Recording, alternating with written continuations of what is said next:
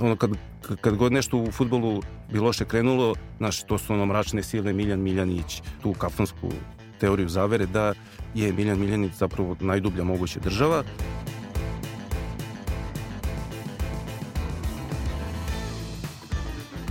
Da ako je Miljan Miljanić bio najdublja moguća država, onda je verovatno bivši predsjednik Saveza Slaviša Kokeza bio najplića. najplića koju smo, koju smo ikada da. imali. Da. sad možemo da se vratimo. da, da, da.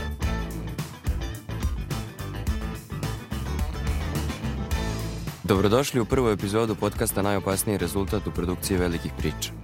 Ja sam Uroš Jovičić, izvršni urednik Nedeljnika i velikih priča i moj glas ćete slušati u svim narednim epizodama, ove, makar ove prve sezone dok me noteraju. Posle dve pilot epizode koje ćete možda nekada moći da čujete, čuj mene da platite. Da čujete i posle odlaganja premijerne epizode zbog zdravstvenog biltena naše pokretne bolnice, konačno imamo priliku da vam premijerno predstavimo kako izgleda manje više svako jutro u redakciji velikih priča. Aj tako da je nazovemo za sad. Pre nego što dođu svi na posao, a obično neko kasni, zapodene se razgovor o nekoj od aktualnih sportskih tema i svako od nas onda krene da se bakće svojim argumentima. Nekom je to statistika, neko mrzi statistiku, neko koristi odokativne metode, neko ono samo klišeizirane stare izjave koje ste čuli od dede i teče na slavi. I na kraju se to završi tako što nam obično neko, taj neko Ana Mitić kaže ljudi postali ste previše naporni i ne mogu da radim od vas. Ovog puta u premijernoj epizodi ali stvarno premijernoj epizodi. Sa mnom su moji novinarski stariji burazeri Marko Prelević i Veljko Miladinović. Oni su sad urednici u nedeljniku u velikim pričama, ali to sad nije toliko bitno.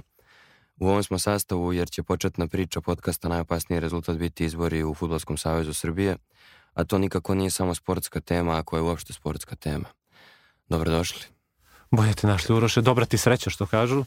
O, ovaj, ja se osjećam malo, uh, a verovatno i Veljko malo uh, pogođenim i uređenim zato što sam bio gost te prve epizode koja nikad neće biti emitovana, a Veljko je bio gost druge epizode koja nikad neće biti emitovana, tako da sad smo u prvoj epizodi koja nadamo se da će biti emitovana ako ti budeš zadovoljan i ako ovo prođe neke cenzure o kojima ćemo pričati vjerovatno u ovom. da, ćao i s moje strane. Moguće da je Uraš baš smislio da nas dvojica budemo sada gosti da bi, da bi nas skinuo s vrata, da mu ne, ne bi zvocali šta je sa tom prvom i drugom epizodom. Pošto su prva i druga epizoda vrlo aktuelna u ovom trenutku, ne znam kako ćemo bez njih, svakako naglasio sam možda će redovni slušalci ovog podcasta moći da plate pa da čuju kako je to zvučalo na našim početcima. E, i ovo, su, i ovo je neki zvaničan početak i zato smo odabrali ovu jednu vruću temu. E, mislim da je dobar trenutak da, da objasnimo ljudima da će ovaj podcast zapravo da se bavi temama koje su iza nas, vrlo često nekom retrospektivom i analizom e, minulih događaja, iako je iako će epizoda biti emitovana pre izbora za predsednika Futbolskog saveza Srbije, ovo jeste neka vrsta retrospektive i analize svega što se svega što se dešavalo u prethodnom periodu, možemo da kažemo od oktobra, mada bi možda tačno bilo da kažemo i u posljednje dve godine koliko zapravo nemamo predsednika Futbolskog saveza. I znate kako počinju svi loši razgovori pitanjem odakle da počnemo ono, na ispitu svaki put. Pa ne znam, moram da smislimo odakle da počnem. Mi makar toliko znamo, znamo odakle ćemo da počnemo, zar ne? Uh, pa znamo, ja bih, e, kad si već pomenuo retrospektivu, ja bih baš počeo od tvog teksta koji si napisao za nedeljnika, koji je ovako pokrenuo buru i sad sam se ja malo našalio da da e, postoji neka cenzura, ali taj tekst je objavljen onako u zadnjem delu novine, što mi kažemo, i možda je dobio više na značaju u nekim krugovima nego što je to njegova pozicija u samom štampanom izdanju nedeljnika odlučivala, do toga da smo čuli čak neke uh, komentare koji su glasili da eto taj Uroš Jovičić preko nedeljnika i pomoću još nekih drugih ljudi ruši državu. Znači nije samo futbalski savez ugrožen, nije ugrožen jedan čovek o kojem ćemo pričati ovaj, iz jednog futbolskog kluba ili jedan čovek koji je navijač jednog futbolskog kluba, nego ugrožena cijela država. I tu mi je uh, tu mi je ugao te priče, smo dali već verovatno i taj light motiv na, na samom početku, a to je da s jedne strane imamo tu nekontrolisanu silu politike, imamo jedan uh, sistem koji je, ja mislim da je Zoran Panović to nazvao još pre 7-8 godina, boljševički sistem koji ne dozvoljava ni da u nekoj mesnoj zajednici u bilo kom mestu u Srbiji uh, bude na vlasti neko ko nije, uh, ili da, da se za nešto pita neko ko nije blizak vlastima. E, to je s jedne strane, taj jedan ne samo modus operandi nego uopšte ceo, ceo sistem, a s druge strane je jedan čovek, sad je ovo pozitivno jedan čovek za razliku od ovog jednog čoveka koji sam pomenuo, a koji se zove Nemanja Vidić. I Nemanja Vidić ima samo to svoje ime i prezime, što mislim da ćemo pričati malo kasnije o tome, što nije ni malo malo. Što je jedno mm -hmm. veliko ime u uh, svetu futbala, u svetu engleskog futbala, srpskog futbala. To je čovek koji je uspeo da, da sad na neki način ujedini sve ove druge kao onom, ja sam se setio onog, onog mima iz Dark Souls, onaj, onaj mali čovek koji nailazi na ogromnu pre, pre, prepreku, na, onog, na jednu ogromnu karakondžulu uh, koji, je, koji je kao neki ktulu koji pokušava da ga, da ga sad, sad taj mali čovek se pokušava da uradi nešto protiv, protiv velike sile, a meni se čini da je, da je glavno to što smo što si ti u tom tekstu nagovestio, a, a tekst je imao dobar naslov, da, da Nemanja Vidić ide glavom gde drugi idu džonom. Do sad išao gde su drugi išli kopačkama, a sad, sad ide gde drugi idu džonom, ali da je Vidić ipak ostao neuprljan u domaćem futbalu koji, e, kroz koji je teško onako proći, a da te ništa ne okrzne. I zato su mi dobra pitanja koje si ti postavio u tom tekstu i, i vidjet ćemo ti si već dao neku i anamnezu i diagnozu i, i neku prognozu šta će se dogoditi utorak. A jedno od, od tih pitanja jeste ko se plaši legendi, a Nemanja Vidić jeste legenda i Dragan Đajić jeste legenda, ali, ali to je sad ovaj, legenda na neke druge načine e, makar zato što postoji, ne postoji samo jedan Dragan Đajić, nego vidimo makar dva e, i ko te legende zloupotreblja.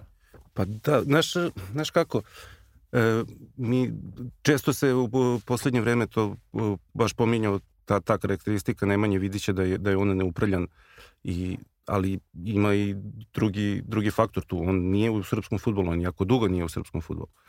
E, tako da mi, mi nemamo primer e, čoveka koji je prošao kroz srpski futbol, kroz, da li bilo to institucije ili da li ka, kao trener, da nije na neki način e, u sportskom ili nesportskom smislu ostao neuprljan. Znači I, jedini način je da ne budeš u srpskom futbolu. Pa da, i to je on, ovaj, pomenut ćemo naravno intervju koju Uroš radio sa, sa Nemanjom za, za nedeljnik i, i ovaj, gde, je, gde je taj naslov, što, ono, svi kažu šta ti je ovo trebalo. Jer to je na neki način kao da je on sad sebi e, potpisao presudu šta god, šta god da, da, da bude na tim izborima i kako god oni da se završe, on ne može da izađe iz ovoga neuprljan ili, ili, ili sa nekom etiketom. I to naravno sve mnogo više govori i, i o našem futbolu. Kao što i celi ovi izbori i sve što se dešava e, sve što se dešava oko toga mnogo više govori i o srpskom futbolu i o srpskoj državi nego o, o, o Nemanji Vidiću, pa na kraju i, i o Draganu Džajiću i, i, i sam ishod tih izbora možda i nije ni, ni toliko bitan. Pričat ćemo i kasnije uopšte i o toj instituciji predsednika Futbolskog saveza. Mi sad imamo utisak kao da biramo predsednika sveta, ne neku tamo, ne, mislim, to je suštinski mastiljar u, u, u Savezu koji treba da potpisuje što mu generalni sekretar i, I tamo izvršni odbor. Dobro, ja bih volao da, da vidim kako ćeš. Nemanje Vidiću da kažeš da se kandiduje za mastiljara u Futbolskom savezu. Ako bi pa sme uživo, to bi bilo super. Pa upravo ti o, to, upravo ti o tome govori. Stegne vilice dok postavljaš pitanje, zaboraviš i pitanje i ideju o mastiljaru.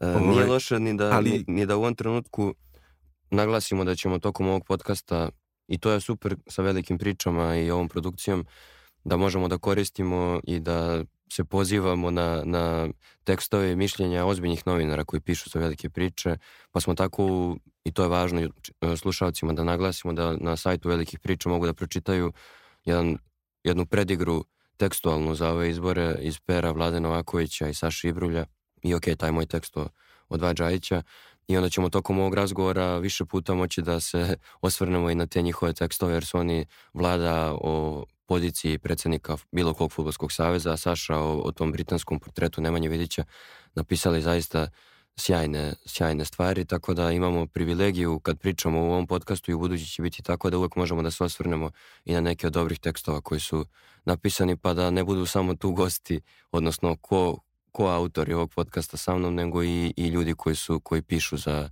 naši saradnici koji će makar indirektno onda biti prisutni. Možda, možda nije loše da se baš sad na početku osvrnemo na, Pa na da, taj upravo vladin je, tekst. upravo, upravo vladin tekst iz tog razloga bio genijalan, pa evo ako budem u situaciji da pitam to, to Nemanju, pa kad segne Vilica, ja ću da ga po- pošaljem kod Vlade Novakovića, nek s njim vidi. to, Dobro, navijaju za isti klub, Da. pa će se dogovori. Ove, a to je, to, to je upravo da, stvore, stvoren je taj utisak kao da cela sudbina e, srpskog futbala zavisi od toga ko će e, ko će biti e, predsjednik e, Futbolskog saveza i vlade je u tom te, tekstu da jednu retrospektivu te funkcije kako u, u našoj zemlji kroz, kroz istoriju, tako i, i u drugim zemljama i, o, i onda ti kao neko i za sebe svi mi mislimo da da pratimo fudbal i da poznajemo da poznajemo te stvari i onda se zapitaš kao kako smo mi naseli na, na, na tu priču. A ti vidiš da i po evropskim savezima to su uglavnom polupoznati ljudi, to su e, nisu, nisu to najčešće neka velika fudbalska imena, Vrlo često birokrate samo. da. birokrate da opet Čeferin, Da. mislim Da, jedna zanimljiva osoba me sinoć pitala, sad te prekidam samo malom upadicom, jedna zanimljiva osoba me sinoć pitala ko je a, predsjednik Futbolskog saveza Engleske, jel?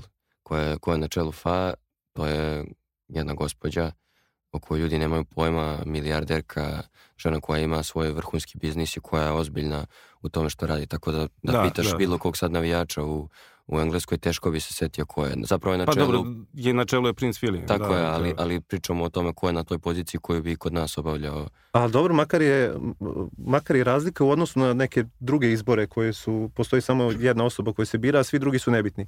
Ja se često, ono, često u redakciji pomenem uh, kako smo pre, recimo, 10-15 godina svi pričali i maštali, to je bilo onako jedna kafanska mudrost, kako bismo voljeli da živimo u zemlji u kojoj ne znaš ni imena ministara i ne znaš ni da li je taj čovek ko je, šta je, čime se bavi, zato što jednostavno to nije bitno, to su neki ljudi koji Tako nešto rade. E sad mi živimo u zemlji u kojoj ja, mi kao, no, evo mene sada pitate, ja nemam pojma kako zove ministar ni privrede, ni poljoprivrede ministarka. A, Znaš kako se zove bivši ministar poljoprivrede? Znam kako se zove više ministar poljoprivrede i, I pomenut ćemo ga, da, i štucat će, nadam se.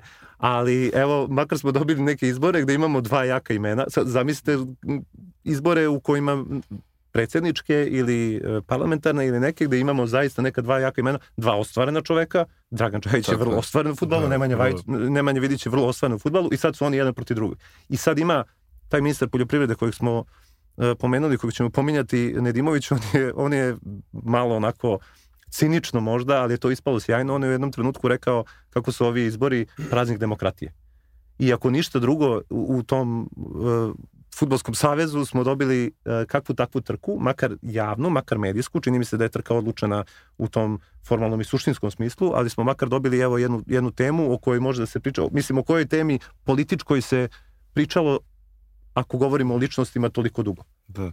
E, e ako, s- a, samo bih ovo da dovršimo e, i da ta priča o vladinom tekstu ne, ne ostane Da, da. ovaj, nedorečena, ali on kad je dao e, tu e, retrospektivu ljudi koji su vodili savez od, os, o- od osnivanja saveza tamo posle prvo, prvog svetskog rata i sad njih koji ima 40 od toga recimo da ti za 32, 32 ili 33 nikad nisi čuo i da njihovi savremenici nisu A čuli da, za njih. I na prvu od tih 7-8 ne bi mogao baš da se setiš više Pa od da. tri. Mislim da, ko bi se Šajbera uopšte recimo sećao da nije bilo one Da nije dve bilo titule da. Partizana e, ili kada je bio trener Nenad Bjeković koji je opet uh, Povezan sa ovom povezan sa, povezan sa, sa da ovom pričom. Ali ja mislim, spomenemo da će biti povezan da, sa ovom ali ja, ja, ja, ja, mislim da je u stvari e, Miljan Miljanić u, u, u stvari zaslužan za, zašto se napravila tolika e, fama od, o, o, od, te, od te funkcije. Ne znam, ovaj, Marko, da li se ti sećaš, Ajduroš je i nešto mlađi ali 90-ih, E, ono kad, kad god nešto u futbolu bi loše krenulo, znaš, to su ono mračne sile, Miljan Miljanić, on je, on, on je tu o, nedodirljiv, on kao pra, praktično su ga posmatrali kao, on, kao fut, futbolska reinkarnacija Slobe Miloševića.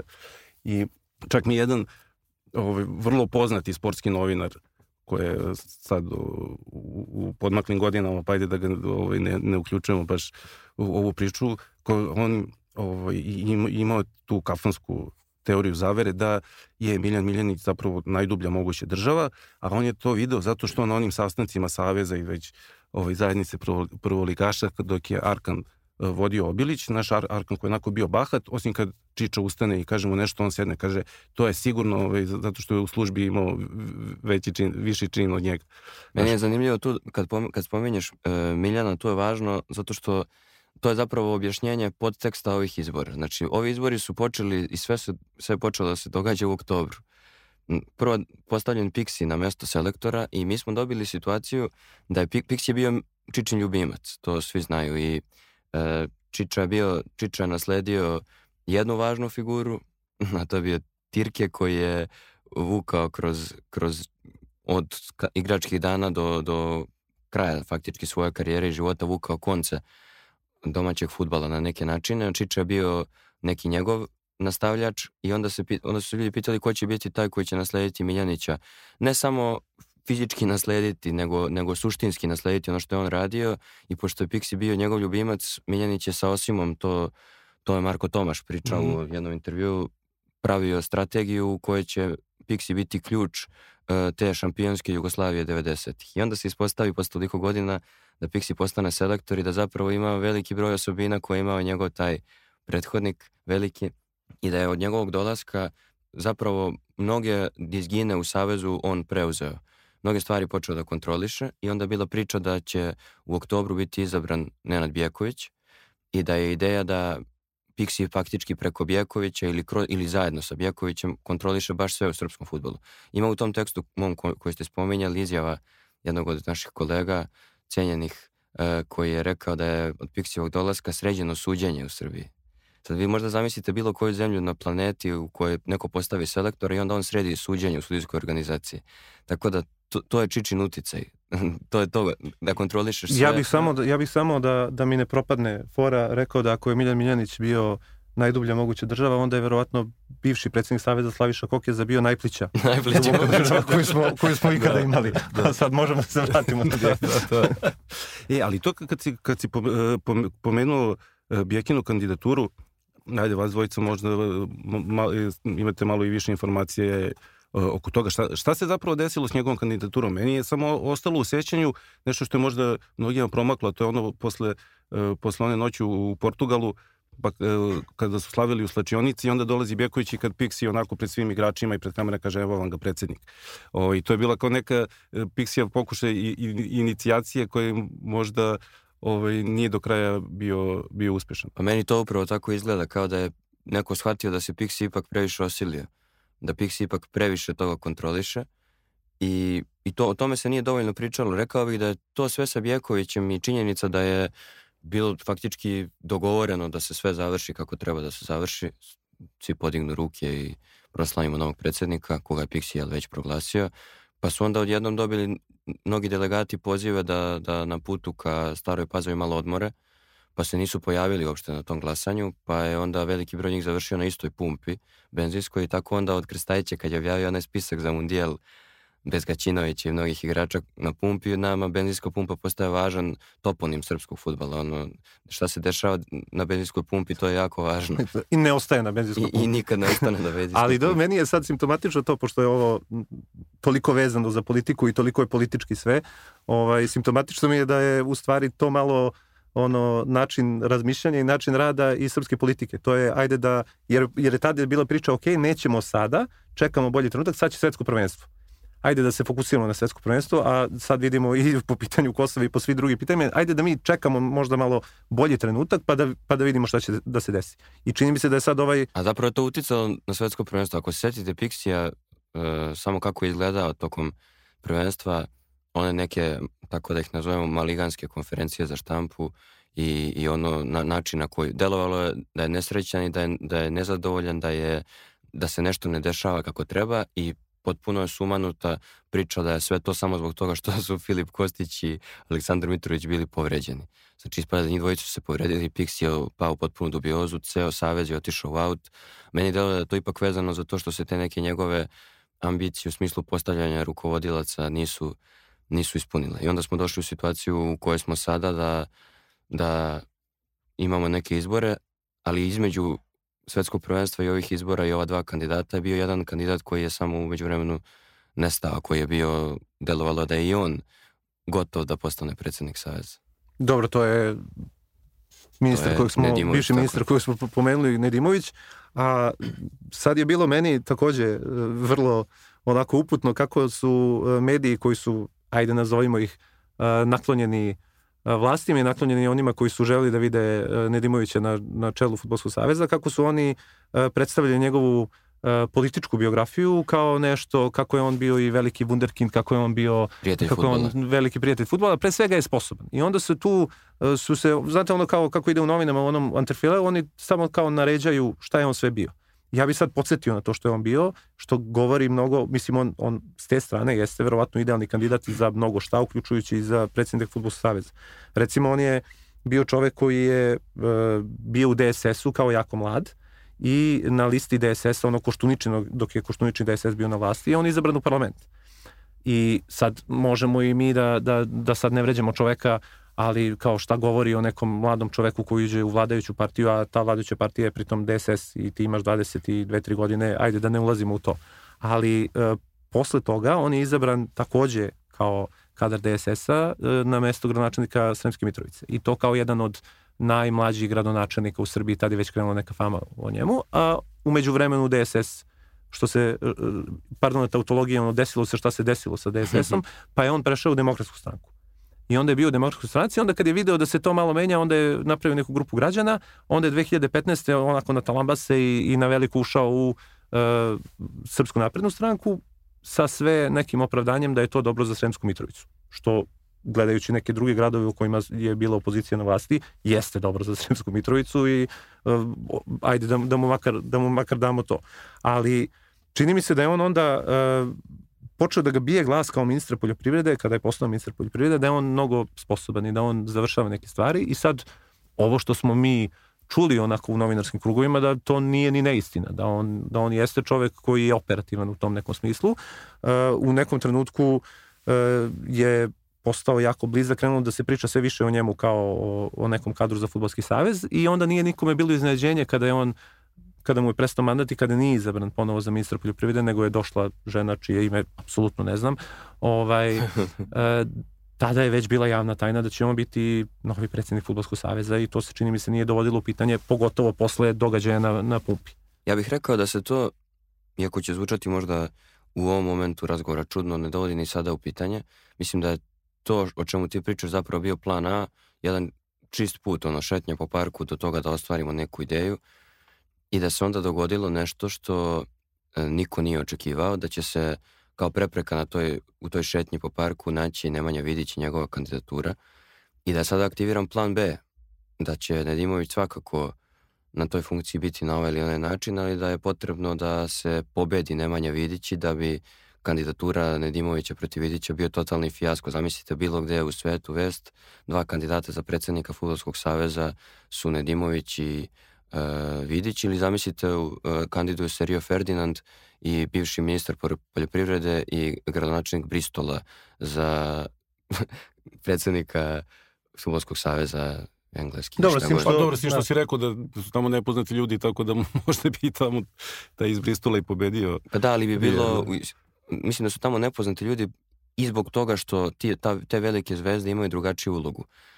red, ne, nema previše tih velikih bivših igrača koji su radi da se uvuku u, u, u te stvari i zato je, a pogotovo u našem kontekstu, čudno ovo za Vidića, jer naš futbal ima neku tendenciju da već decenijama, posebno poslednjih par godina, melji troši svoje velike igrače i tu Veljko ima svoju čuvenu teoriju o spavačima koju smo više puta na različite načine obradili koju, daću ti priliku da je detaljno objasniš, nego samo da naglasim da, da je upravo zbog te atmosfere potpuno neočekivana kandidatura bilo kog čoveka koga smo nazvali e, čistim, neukaljanim ili kako je Saša Ibrulj napisao u tekstu futbalski sterilnim. E, tako da meni je to zanimljivo kako naš futbal zapravo trošite velike igrače. Pa da, ali ti imaš taj fenomen. Mi smo sad pričali o Pixiju kao selektoru, znaš, ali nije se on sad pojavio 2022. godine, 23. godine ili kad je već ovaj, postao selektor. Da. E, znaš, nije se on pojavio kao sad neki veliki stručnjak sa, sa dalekog istoka. On je posle 5. oktobra bio predsednik Saveza. Ljudi recimo e, tu, tu stvar zaboravljaju. Zaboravljaju jedan, e, jedan ludački absurd da dok je kratko trajno E, postala reprezentacija Srbije i Crne Gore e, i odgovarajući savez istog imena. E, ti si, imao si dve zvezdine legende. Jedan je bio predsednik saveza, to je bio Pixija, a selektor je bio Dejan Savićević.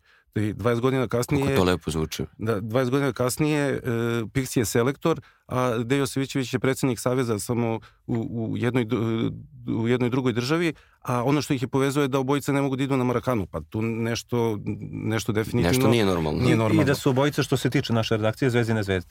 E, jesu, da, u, da u, u, posebno što se tiče, posebno što se tiče ove šeste, da. O, o, ovaj, ali to, o, to sad na stranu, kao što bi Nemanja Vidić verovatno mogao da bude, imajući vidu kakvu je karijeru napravio, da bude i, i sedma, ali um, imaš, pazi, to su stvarno najveća futbalska imena od uh, raspada Jugoslavije do danas, ali ima i od tih da kažemo, što bi Amir rekli, ono second tier uh, uh, futbalera, znaš, to je recimo Partizan je, on, on taj njihov fenomen, to je, to, to je stvarno šampionski. Kako, da, ne bude pričamo samo o tome kako je Zvezda da, troši. Da, ali, pa da, ali oni, oni imaju mehanizam i to ide još od 80-ih. Kad god je frka, oni dovedu nekog bivšeg igrača i kao, zato što navijači ga vole. Tako je krenulo još od Bjekovića kao, kao, kao trenera kada uh, ovaj, 80-ih su doveli Bjekovića i, Mocu Vukotića kao da, da vode klub, pa će to ne znam šta da bude, pa su onda naravno bili generali, pa Frka ono smeni, smeni generale, pa je onda dovedi Ćurkovića, pa je Ćurković bio kao veliko, veliko ime, Ovo je naravno sve tu, to je onda bio Mirko Marjanović koji je sve to vodio, koji nije veliko ime Partizana, ali naravno moraš da imaš jednog čoveka u vlasti koji će sve to da pokrije i onda, onda od 2000-ih je krenulo da praktično, odnosno od 2010. na ovamo, ko dođe na, ono, od bivših igrača, ko dođe na kafu na stadion, oni ga postave da bude da, da, bude, da bude trener. Posljednjih par godina posebno. Onda, imate, onda imamo ovaj, još jedan fenomen, to je to da mi imamo gomilu tih igrača koji su tako posejani što ja kažem, kao, kao spavači i onda samo čekaju da ih neko izvuči i postavi na neko mesto da bi, o, da bi bufferovao e, svoju poziciju u medijima. E, Dejan Stanković, e, koliko se sećam, E, je figurirao kao ozbiljno ime da bude predsednik Saveza. Da, bilo je, to je bilo viđeno. Da, to, je već, to je već bilo, to je bilo viđeno. Sad tračevi kažu da uh, onaj koji je odlučio o svemu da nije baš bio impresioniran njime, pa da je, da je zato to propalo. Možda je tačno, možda nije. Uh, Toliko dugo će biti, ostati neimpresioniran njime kada budu ali se, na, istim, na istoj liniji u drugom u jednom klubu. Da, ali se posle, posle, se toga, posle toga se pojavio uh, E, kao trener. Opet isto kao što Savo Milošević u Partizanu bio je trener, pre toga je bio e, isto bio funkcioner u klubu, pa je e, Mladen Krstajić koji je bio funkcioner u Partizanu pa se odjedan put pojavljao kao selektor. To je to samo popunjava i mesta, a za to vreme futbol vode Slaviše Kokeze, Tole Karadžić i, i ostali. I čak Nemanja Vidić, ako se, ako se sećate, po, okončanju karijere kada je došao u Srbiju, prvi put je došao, to je ovaj, jedna banka ga je dovela, mislim da ima ugovor sa, sa Unitedom na globalno o, Moja za globalnu prom promociju. ovaj, Moja banka, dajte, dajte reklamu. I onda su ga onda su ga doveli i sećam se tad je morao da priča sa, sa novinarima zato što je to bila takva neka promotivna aktivnost koliko bio sam tamo i koliko se sećam nije mu baš ni prijalo što mora pričati s novinarima ali je tada rekao eto moram da moram da se naviknem na to zato što želim da budem trener Evo sad nekoliko godina posle on se pojavlja kao neko ko želi da bude, e, da, da, da bude funkcionalno. Jako je zanimljivo to Kovidića. Prvo, tokom intervjua on je više puta rekao da, da ima očajan odnos sa novinarima. I, da... I verovatno će da, u slučaju nekom, sad hipotetičkom, kada bi on postao predsjednik Futbolskog saveza, verovatno bi on obnovio taj loš obnovio odnos. Obnovio bi loš odnos da. instant. I meni je rekao na kraju, kaže, izvuko si mnogo više nego što sam mislio da ću ikad reći. što je bilo zanimljivo iz perspektive da je on zaista želeo da priča samo o Futbolskom savezu i ovim što ga čeka. Druga stvar zanimljiva vezana za ovo što je Veljko rekao je to da on tada bude trener. Pa se onda u posljednja dva dana pojavi jedan stari lisac, jedan stari spavač izjavi da je Nemanja Vidić završio u Engleskoj za licencu zato što u Engleskoj poklanjaju na lepe oči na ime i prezime, a u Srbiji to se nikad ne radi, jel? Da Bog sačuva. E, na kraju krajeva treća stvar koja je vezana za Vidića i za ovu Veljkovu priču je zapravo to da Vidić, iako je bivši igrač, iako je deo te atmosfere sada svojim povratkom, jer on živi ovde skoro dve godine u zemlji, on ipak nije ta vrsta spavača, pod znacima navoda. E, jeste želeo da se bavi nekim drugim poslom i možda će se njim nekad u životu i baviti, ali deluje da mu se ovo ukazala kao dobra prilika. On mi kaže, tokom, pitaju me mnoge šta mi je ovo trebalo, ali ja se krećem među sportistima, među sportskim radnicima, trenerima ili kako Užičani Čačani vole kaže trenerima i I kaže, svi su mi oni rekli da vide neku veliku pozitivnu energiju kod mene da, da bih mogao da pokrenem točak u napred i da je to njegov cilj. Tako da tu postoji mala razlika. Mislim da je to ono što je zapravo i pokrenulo ovu drugu struju na razmišljanje da bi trebalo uh, njemu suprotstaviti ipak nekog ko ima takvu energiju ili je nekad imao takvu energiju i bio je poznat po tome, tako da su izvukli ovog drugog kandidata. Pa meni se čini da je e, čitajući ono pomno prvo kad, kad si ga tek uradio onda i u printu taj u štampi taj intervju koji zaista onako e, je to mi u nedeljniku smo govorili životni intervju, ovo jeste ceo, ceo životni, proveo si kroz celu karijeru, jedna jako uspela i jako uspešna naslovna strana. Ono, čestitam ti na tome i na, na tom tekstu i tvojim saradnicima koji su s tobom radili taj, taj intervju, ali... Pozdrav za Rosketa. Ali, pozdrav za Rosketa, ali um, u nekom delu tog intervjua sam bio, ne, neću da kažem m, razočaran, nego sam video baš to da je, vidit će malo odmaknut od, od um, srpske realnosti. I uh, u, u nekom pogledu je možda naivan, zato što ne svata da se ovde mnoge stvari rešavaju populizmom. I čini mi se on kaže u jednom, pri kraju negde intervjua, kaže kako, sada ga parafraziram, kako on osjeća podršku naroda i on gde god da ode, to je ovo što si rekao, da se neka, neka pozitivna energija se osjeća i on je sad uh, svestan da, da, ga, da ga narod u suštini hoće. A uh, čini mi se da nije shvatio da, bi, da, da je možda trebalo da zaigra na tu kartu populizma. I sad zamislite da Nemanja Vidić izađe na već u koje, koje medije može da izađe i da kaže, e, znate šta, večera su, danas u Kruševcu igraju napredak i radnički i ja ću biti ispred stadiona. I dođite da me e, podržite, dođite da malo popričamo, dođite da vam kažem vama koji volite futbal. Izvinja, ali kad smo kod tako tog južnog, južnjačkog derbija, tu bi bilo... Tu bi bio napredak. Dosta, tu bi bio napredak i bilo bi dosta ministara koji bi bili protiv tog njegovog pojavljivanja ispred stadiona pa, ali, i njihovih sinova, recimo. Dobro, ali evo, možda ne taj grad, ali neki, neki drugi grad ili bilo koji, neka, neka bude na trgu. Neka ne bude ispred stadiona, neka bude Nemanja Vidiće na trgu na dan kad se igra e, neka utakmica u Superligi Srbije i onda bi on mogao tim ljudima koji vole futbol da ispriča ne samo svoj plan, ne samo da iznese svoj plan, nego da kaže i šta je loše tu i da popriča sa njima i da malo, ne kažem da on ovaj, da on to ne ume, nego jednostavno da nije, da nije svestan toga da u Srbiji to tako funkcioniše. Kada bi on možda, da je, da je krenuo naravno uz medijsku uh, inicijativu da, da on krenuo u tu neko širenje baze, a kad kažem bazu, baze mislim stvarno na, na obične ljude, na narod, ono kad kaže neće vas narod, e pa Nemanja vidit će čovek koji hoće narod, samo što to možda nije još dopralo do mozga, ali jeste, jeste njegova kandidatura sve promenila i, i mislim da je to još jedan light motiv kojem treba da se vratimo nekoliko puta u ovom, u ovom razgovoru i jeste naterala um, što se ne dešava toliko često, jeste ih naterala ove sa druge strane u, u taj panik mod, jeste ih naterala da nađu neka nova rešenja. Pa je li Džajić novo rešenje? E, pa na neki način i jeste, znaš, e, kako znaš ono novinarstvo kažu, ono, e, stare priče, novi čitovci, znaš, tako i ovo, stari ljudi, ovaj, no, novi navijači, e, pa mislim, ono, izvukli su čovjeka koji ima koliko, 70 i nešto godina. 77 nešto godina. E, ovaj, pazi, on je, on je zvezdina zvezda. Takođe neupitna. Takođe ne, pa... neupitan, neupitan, je, neupitan je kao, zvezdi, kao zvezdina zvezda, ali imaš, imaš on, on je, e, da je, da je, zamisli sad da je on 91 da je, da je on 91. otišao u, u futbolsku penziju. Sad mi svi kradete tu tezu, ja ne znam šta je, ovo postaje ja sam mislio, kleptomanija. Ja sam stvarno mislio da je to Vejkova teza, zato nisam sad reagovao. da. Ali uh, postoji jedna A... stvar, postoji jedna stvar, ti si pominjao ljude koji su prošli kod Zvezdu, uh, Uroš je pomenuo ovu nekadašnju sivu eminenciju, ja ne znam sad kako bismo ga nazvali, Batađoru, koji Tako se uključio u, u celu priču. Uh, postoji sad smo možda malo na nivou futbolskih tračeva, pošto, pošto smo upućeni malo, pa postoji očigledno razlog što sa Draganom Džajićem nije u dobrim odnosima apsolutno niko ko ima neko svoje ja, a ko je vezan za Crvenu zvezdu. A ja poštemo od Cveleta, na primjer. Da, pa to je u ovom tekstu od dva Džajića zapravo bila ideja da tekst bude naslovljen dva, priča o dva Džajića, međutim onda, onda, smo na, onda je Marko našao jedno mnogo praktičnije i bolje rešenje da ne postoji samo jedan Dragan Džajić.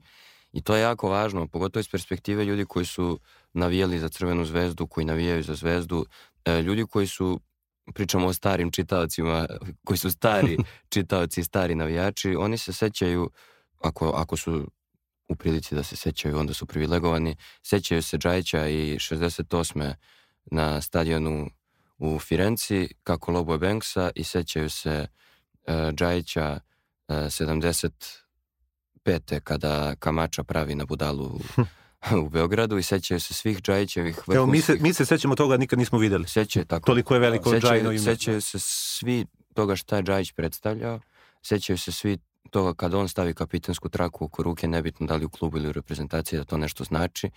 Sećaju se svi da kada Liverpool dođe da igra protiv Zvezde, Džajić je tada čini mi se na štakama i u, u tom dvomeču čuvenom 73. koji potpuno menja uh, istoriju evropskog futbola, rekao bih, jer Liverpool dobije butrum i menja stil i dva, tri učesnika ove epizode podcasta su večno zahvalna Miljaniću na tome što je odučio Liverpool od futbala u tom dvomeču. I to je Džajićev stil, ta, ta vihorna zvezda, ta lepršava zvezda, to je bilo to što je Džajić predstavljao navijačima. I onda kada je završio karijeru e, futbalsku, vrlo brzo je postavljen na mesto e, ono što bi se nazvalo tehniko, na mesto direktora, vrlo brzo je počeo da obavlja funkcije u klubu i to što je Veljko imao zanimljivu računicu o tome koliko ima godina i koja je sad teza protiv Vidića. Da, ali bi samo tu dodao, ali molim vas, nemojte sad ozbiljno da me shvatite, ali još jedna teorija zavere za Džaju. 68. kad je on dao taj gol, to je bilo par dana po, ovaj, pošto su izbile studentske demonstracije ovde i da je država iskoristila njegov gol i da je prvi put navodno kao toliko hajpovan futbalski uspeh da bi se, da bi se zagušili student, studenti u, u rektoratu, što bi onda bilo na neki način inicijacija njega u tu, u tu duboku državu i ajde da ga, da ga izlačimo sada kada, ne, kada nam je potreban. Pa da, mislim, to je, nekad je to i bilo normalno. Pazite, Nemanja Vidić je završio karijeru, već sad će već 10 godina, on bi do sada trebalo da, da ima već ako već želimo tog čoveka da iskoristimo za naš futbol, kao što se često govori, on je već trebalo da ima i ozbiljan staž A onda je apsolutno kad se, pojavi, kad se pojavi Boško Đurovski kaže na da izjavu da treba pratiti pravilo 20-20-20 i da treba čovjek da bude prvo 20 godina igrač, pa 20 godina trener, pa 20 godina funkcioner. Pa Dragan Đajić je bio funkcioner uh, 78. postanje ima 32 godine. Tada. I opet je to jako važno, a to ono što si rekao i što smo u tekstu imali i što je Sinđa fantastično ilustrovao za velike priče. Pogledajte tu ilustraciju gde se rukuju Džajić kapitan reprezentacije Jugoslavije, Džajić od pre šest meseci. To je taj 30. maj 91. Džajić od kad je postavljen na mesto rukovodioca u klubu do 91. on je ono on je fascinacija ljudi u celoj Jugoslaviji. To mi kaže Baka Slišković, to kaže Slavin Bilić, to kažu svi živi. To je pričao Ćiro Blažević. To priča će, da. To, to, to, to priča Dino Rađa koji je košarkaš, ali on kaže uh, oni su imali to što je bio Džajić. Džajić je ljudima bio simbol tog nekog uspešnog uh, rukovodioca, čovjeka koji sve drži pod svojom kontrolom i onda Tomislav Ivković pričao, kaže, kad sam došao u Beograd, Zvezda je ogroman sistem, jer ja nisam mogao da se krećem po gradu da, da neko to ne javi džaj. I opet neko javi džaj. Džaj je bio taj koji može da zakuca na sva vrata, upravo zbog te velike karijere i on je, to je uz Cvetkovićeve neverovatne menadžerske sposobnosti doprinalo tome da Zvezda ima taj tim koji je 91. postao prvak Evrope i to je nek, bila neka vrsta katarze za sve navijače, katarza zbog toga, zbog onih grčkih kuvara i navodno drogiranih igrača i otrovanih zbog magle, zbog svega živog što je pratilo zvezdu, a što Dragan Đajić nije morao da prepoznaje, on je to sve osjećao na svojoj koži jer je na neki način kroz sve to prošao. I onda kada je doživao tu katarzu, zamislite da je 30. maja, njemu je tada bio 45. rođendan, zamislite da je pokupio svoju porodicu uhvatio ih lepo pod, pod ruku i otišao negde u Francusku, tamo gde je bio epizodista kao igrač, ajde tako da kažemo, da je pristao da bude opet malo po strani, ali opet u toj nekoj glavnoj ulozi kao najveći, verovatno šmeker i kako sam ga ja nazvao, možda možda malo teatralno, ali ono, inspicijent, Jugos, ako, je, ako je ova duboka država Čiča bio siva eminencija, onda ovaj je bio neki, ono, iako je bio reditelj, ovaj je bio neki inspicijent, onaj koji je šaputao sve što treba da se šapne jugoslovenskom i ajde srpskom futbalu i crvenoj zvezdi, zamislite da se tada povukao, to je bio jedan Džajić. Nakon toga je usledio jedan pad i to je Dejan Savićević fantastično objasnio na primjeru Monopolija. Oni su tamo u zamku pred finale tretirani vrlo strogo i Džaja tu bio, on je tu prednjačio. to su komunističke metode, kako ih je Dejo nazvao. Džaja je bio fantastičan u tim komunističkim metodama. A onda je Miladinova omiljena tema pao Berlinski zid, a onda su se desile još neke stvari u svetu i u, u evropskom futbalu i onda sve to što je Džaja nekada mogao na širokom prostranstvu koje je Jugoslavija zaista bila, što god o njoj mislili, kada se država raspala, njegov, njegov opseg se smanjio i meni izgleda da je od tog trenutka krenuo jedan silazni, silazna putanja njegova. Nećemo ulaziti previše u priču o onom jutarnjem snimku Marici lisicama na rukama, to je svima poznato, ali je jako zanimljivo to što I što jeste bilo nepotrebno ovako kad sad da, sagledavaš nečiju karijeru i... Pogotovo ako pričamo o takvom čoveku. I o takvom čoveku i prosto i ta stvar zašto su ga privodili vezana za futbal, nije da je to sad... Pa to je zanimljivo, britanski mediji su imali naslov uh, Nemanja Vidice kandiduje protiv čoveka koji je hapšen zbog njegovog transfera. transfera da. Pa, generalno sam uh, sad u, u jednom drugom intervju je, je Vidić baš pričao kako je sreo uh, Aleksa Fergusona negde u Barceloni i kako mu je Sir Alex rekao uh, ej čoveče, čujem da se tamo da se kandidovao, ti treba moja pomoć. Sad ja sam malo ljubomoran uh, onako novinarski što se, što je se Vidić njemu zahvalio i rekao ne ne ovo je moja bitka što liči onako na, na Nemanju Vidić čak i ako je malo tu dosolio a ljubomoran sam što bi onda to podrazumevalo da možda Sir Alex dođe u Srbiju i održi neki govor i verujem da onaj jedan čovek od nekoliko ljudi ne bi izdržao da ne primi Aleksa Fergusona i da se ne slika s njim. Ali uh, sad, dosta smo pričali o Džaji, a meni je uh, zanimljivo i kako, posebno mi je zanimljivo što pričamo to u, u jutru kada je osvanuo na velikim pričama tekst uh, Saše Ibrulja, a sama činjenica da je osvanuo tekst Saša Ibrulja na nečemu što mi radimo je meni onako za veliki ponos, uh, koji upravo daje taj ugao, on je pričao sa, sa nekoliko uh, osrskih novinara koji uh, iz, nekih od najvećih nekih da. od najvećih osrskih novinara futbolskih uh, koji daje mi smo to nazvali ram za portret Nemanja Vidića taj ostrski ram za portret da. i tu ima nekoliko uh, fascinantnih rečenica koje koje mogu da se primene u ovom sadašnjem trenutku, posebno Jonathan Wilson iz Guardiana kojeg mi svi volimo da čitamo, koji je možda i nehotice uh, pobio neku tezu uh, raznih uh, Đurovskih i raznih bat, Batađora i raznih Nedimovića uh, kada je pričao o organizaciji. Uh, on je ispričao koliko je Nemanja Vidić delovao na terenu, a to znamo jer je bio kapiten i, i tamo i ovamo kao jako mlad, koji, koji je delovao prvo kao veliki organizator, E, drugo, ima tih anegdota i e, čak i u tvom intervju sa Urošom intervju sa Nemanjom Vidićem o tome šta je on, kako se on ponašao prema saigračima i kako je on u stvari bio jedan onako adjutant, ali nikada posilni svim tim velikim trenerima i e, drugo važno sem načina na koji on organizao odbranu je što je e, Wilson rekao da on ljude oko sebe činio boljim. On je čak i, to je Ferguson dobro video kod njega i, i taj, ima taj sjajni deo e, da je on tražio čoveka koji može Ria Ferdinanda da, da učini još boljim. Rio Ferdinand je veliki defanzivac, da. fantastičan, ali je tražio čoveka koji, koji može da ga unapredi još više.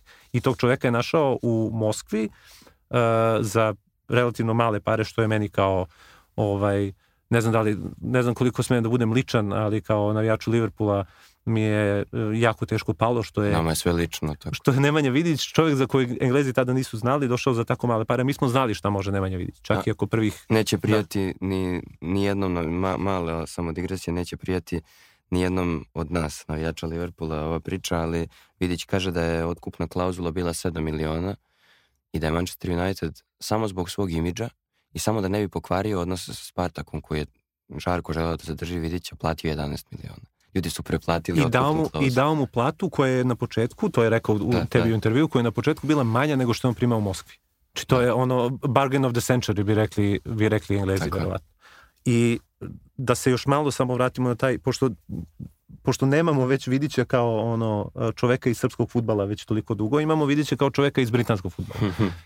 koji je najbolji futbal na svetu i najbolja liga na svetu, šta god komisiju i, i koji god bio vaš, vaš ukus zna se šta je Premier Liga i zna se šta je bio u toj Premier Ligi Nemanja Vidić.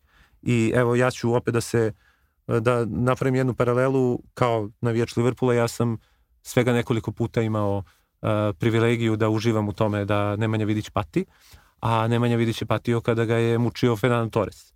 I to je bio onako jedan sudar titana i jedan od redkih koji je umeo da mu doaka, što bi, što bi rekli ovde kod nas. I izgleda da se sad kao e, pojavio još jedan čovjek koji može na onu svoju tablu da zapiše da je kao posle Fernanda Torresa, on je čovjek koji je nadmudrio Vidića i koji ga je, koji ga je izbacio iz takve. Jedino što Vidić njega ne može da... Najbolje levo krilo. jedino, jedino, da, siguran sam da je Marko na njega mislim. da. Jedino što Vidić ne može ni jednog ni drugog da opauči, a Torresa je, boga mi, udarao kao interventna. Svakako, e, meni je jako zanimljivo to da se konstantno kod nas govori o određenim ljudima bez imena i konstantno su to neki ljudi koji rade neke stvari ne, i to su sve neodređeni neki pojmovi, pa tako je priča da je, koju nam je Vidić sam ispričao da od 19. godine imao diskus herniju i da to neko izbe, neko opet sa velikim Z, e, ja pretpostavljam, e, pošto nije hteo Vidić preko njega, da, preko te osobe da ide u, u inostranstvo, ta osoba je prvo Šahtjeru, onda i Spartaku iz Moskve doturila Vidićev zdravstveni taj karton, pa su njega redovno odbijali E, klubovi na tim lekarskim pregledima. I on, je, on nije želeo da kaže ko je u pitanju, ali je rekao da, rekao je da su to neki ljudi koji su i dalje vrlo aktivni u našem futbolu. Ima nešto što je Marko rekao što bih volao da... Svi ljudi su aktivni po 20-30 godina u da, da, samo su neki zato spavači, neki su aktivni, su neki aktivni od a neki su preaktivni. E, a ne proaktivni. Ali svakako, zanimljiva mi je ta teza koju je Marko spomenuo da narod želi Nemanja. Tebi veliko to izgleda kao da je istina, pošto kod nas je ta priča stalno, znaš kao, da ti imaš super tu taj pregled nedelje redovan na briefingu u nedeljniku, pa je jedna od tvojih teza uvek bila da ko je favorit na Twitteru, on nikad ne može da pobedi. Tako ni Gypsy na pesmi za Euroviziju, ni neki politički kandidati. Po Twitteru deluje da je Vidić omiljen, da je on prvi favorit, da li to nešto loše govori o njegovoj kandidaturi? Pa, znaš kako, to je sad zato malo i ono sociološku analizu i ono, tih bablova na društvenim mrežama i bab, ovih futbalskih bablova. Znaš, sad mi ako bismo napravili referendum, pa sad da li bi sad imaš i ne, neku značajnu grupu navijača Partizana koji sad treba da biraju između kao Džajića i Vidića, znaš, nema tu nekog sad emotivnog e, odnosa, a opet ako i Vidić napravio distancu od Zvezde, kapiram da će biti prihvatljiviji od ovog koji je... Pa jedini transparent koji smo videli na večitom derbiju je u stvari da. bio na konto izbora na, na, za predsjednika Futbolskog saveza je u stvari išao u prilog Vidiću, a okačili su ga navijači yes. Partizana. A onda sa, sa druge strane, mislim, meni to u stvari naj... Neukusan, samo da se ogradim. Najfascinantnije kako, e, kako ima ljudi koji mi tako deluju naivno, koji to sad tu prebacuju na tako čisto futbalsku stvar. Znaš, pa onda vidio sam i na tom Twitteru ne, neke poruke, jao, sad treba da biram između džaje i vide kao srce će da mi pukne na dva dela, jao, moje zvezdaško srce, šta ću ja sada? Mislim, da, osjeća kao... se baš jedan cinizam ozbiljan kod tebe. da. Otkud to? da. Znaš, i onda, ovaj, i kao ako pogledaš sad genezu, on jeste čovjek koji, makar simbolično, ti donosi promenu, kao što je Marko rekao, ok, on je čovjek iz, iz engleskog futbala. Znaš, stvarno može da, da, da, donese, ne, da donese nešto novo i kad pogledaš, kad pogledamo tu vertikalu ljudi koji su bili predsjednici Saveza u posljednjih 20 godina, posle Čiče Miljanića, i onda samo vidiš tole, od Toleta Karadžića do, do, Slaviše, do Slaviše Kokeze, ovaj, shvataš zašto je u stvari simbolično i važno. E, ovaj, vlada ima u onom tekstu koji smo pomenuli na početku i statuta je izvukao šta su zapravo zadaci predsjednika Saveza, to stvarno nema, on ne znam kakve ingerencije, ne, on je to lepo rekao, to je kao predsjednik u parlamentarnom sistemu Jeste. E, vlasti. Naš... Koji je u Srbiji aktualan? Polupredsjednički. Da, da, izvinjam se. Da, to je da se predsjednik bilo u skupštini, a da, nije bitno sad. O, ovaj, ali E, i, ali to, to, to pokazuje zašto je, zašto je u stvari simbolički bi bilo važno da recimo dođe Nemanja Vidić kao kao, kao neka promena na, na to mesto, pa nije ni bitno sad kolike su mu ingerencije. Pa meni je simbolički, da se nadovežem na to, važno i što se kandidovao. Jeste, I, jeste. I način na koji vodi kampanju, bilo da je ona, ona na, na Twitteru ne, i tim koji je postavio i e, jedna od stvari, čak i u tom njegovom timu su ljudi koji, koje ne mogu da kompromituju kojima ništa ne mogu da pronađu. Ovde je omiljena zabava srpskih tabloida da čim je neko nije na strani vlasti, on vrlo često bude provlačen kroz blato. I negde su pokušali to da urade, ja, ja bih se setio i kad su pokušali to da urade Dejanu Bodirogi zbog vožnje uh, automobila, da. ali Dejan Bodiroga, baš kao i Nemanja Vidić, je čovek od kojeg se takve afere jednostavno odbijaju i ako ništa drugo Vidić je uspeo da, da ih izvuče na crtu, onako čak i taj panik mod koji, o kojem smo pričali da I, sad je odjednom Dragan Drajić. Jedan, izvini što te prekidam, jedan zanimljiv lakmus papir, jer videli smo ko je sad sve podržavao Vidića i tu su isto neki koji su, za koje bi očekivao da bi mogli da budu skloni da se priklone ovome šta, šta, šta kažu ovi gore. Kao ova crtica o Nemanji Matiću koju da. je Nemanja ispričao Urošu u intervju koje na njega sam, da. prvo sam na njega mislio, nije, ali nije ni on jedini i negde je ipak tu pokazalo sad ko je zapravo ličnost tu u našem futbolu ostao da ima ono što se kaže svoje ja, jeste malo izraubovana fraza, ali tako je. Da, zanimljiva je ta Markova paralela kad su Bodiroga i Vidić u pitanju. Pa to je ovo što sam, ovo, kad pominjemo ovog jednog čoveka, taj čovek je vrlo često je Aleksandar Vučić, on ima to baš apropo Twittera, on vrlo često zna da kaže neće vas narod. E, a meni se čini stvarno i za, za Bodiruga i za Vidića, zbog svega onoga što su predstavljali generacijama, ono, e, običnih ljudi, ne samo navijača, da, da je, jeste taj nek, neki refren hoće vas narod, ali možda je dodatak tom refrenu, ali džabe. Meni je zanimljivo bilo i, i o tome sam pitao Nemanju, e, kako je on, kako je njemu izgledalo to da navijači Crvene zvezde koji ga smatraju legendom kluba, nisu ni na jedan način reagovali da ga nisu podržali i tako dalje. I on je, to je jako lepo rekao, da su navijači Crvene zvezde jedna vojska koja je od uvek verna svom klubu, svako to može da tumači na svoj način, da je koja je verna svom klubu, a da Crvena zvezda kao takva ima svog kandidata. I onda je lepo naglasio Crvena zvezda ili jedan čovek. Taj jedan čovek, to je Zvezdan Terzić. Na njega je Vidić ciljao i sada konstantno se tu spominje i u ovom našem razgovoru taj jedan čovek. Uvek je neki jedan čovek koji na nešto može da utiče. Zbog toga su, to je ono, pun, napravili smo pun krug. To je ono što je Veljko rekao. E, ovo više govori o, o srpskom futbalu i o srpskom društvu nego o bilo kom pojedincu, Nemanji Vidiću ili Draganu Džajiću u ovom slučaju. Mislim da super je ono što je Čanak napisao na, na iako ne mogu da verujem da sam ovo izgovorio, super je to što je napisao na Tijanićevoj knjizi da ko greha nema neka prvi baci kamen ako može da dobaci.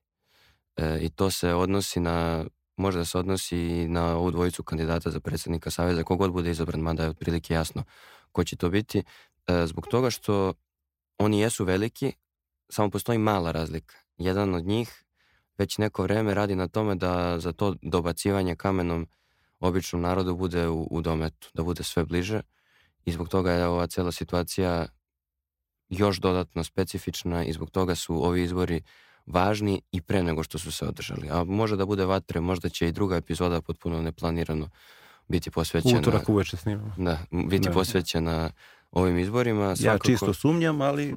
Pa sumnjam i ja, pogotovo što mislim da je plan za futbolski savez i to je suština i to je glavna rečenica, plan za futbolski savez, ono što je bio i plan za grad Beograd, da će jedan čovjek obavljati zvanično funkciju, a da će drugi generalni menadžer ili nešto tog tipa obavljati nezvanično sve što je važno i da će se svuda pojavljivati, a da ćemo na ovog drugog i zaboraviti. Svakako na Nemanju Vidića Dragana Džajića kao igrače i kao ljude koji su makar do 45. godine, hajde tako da kažemo, ostavili neizbrisiv trag, ljudi neće moći da zaborave, a ja bih voleo da se svaka epizoda, to je neka moja želja, završi e, na, na isti način. Tradicija da bi postala mora nekako da se započne, pa hajde da započnemo to ovaj put, pošto smo, da se završi pesmom i da na kraju svake sezone imamo playlistu naših pesama iz podcasta i pošto smo ovaj put pričali mnogo o narodu i o narodnom klubu i o zvezdama tog narodnog kluba, onda ne bi bilo loše da se osvrnemo i da pesma kojom ćemo završiti ovu prvu epizodu bude pesma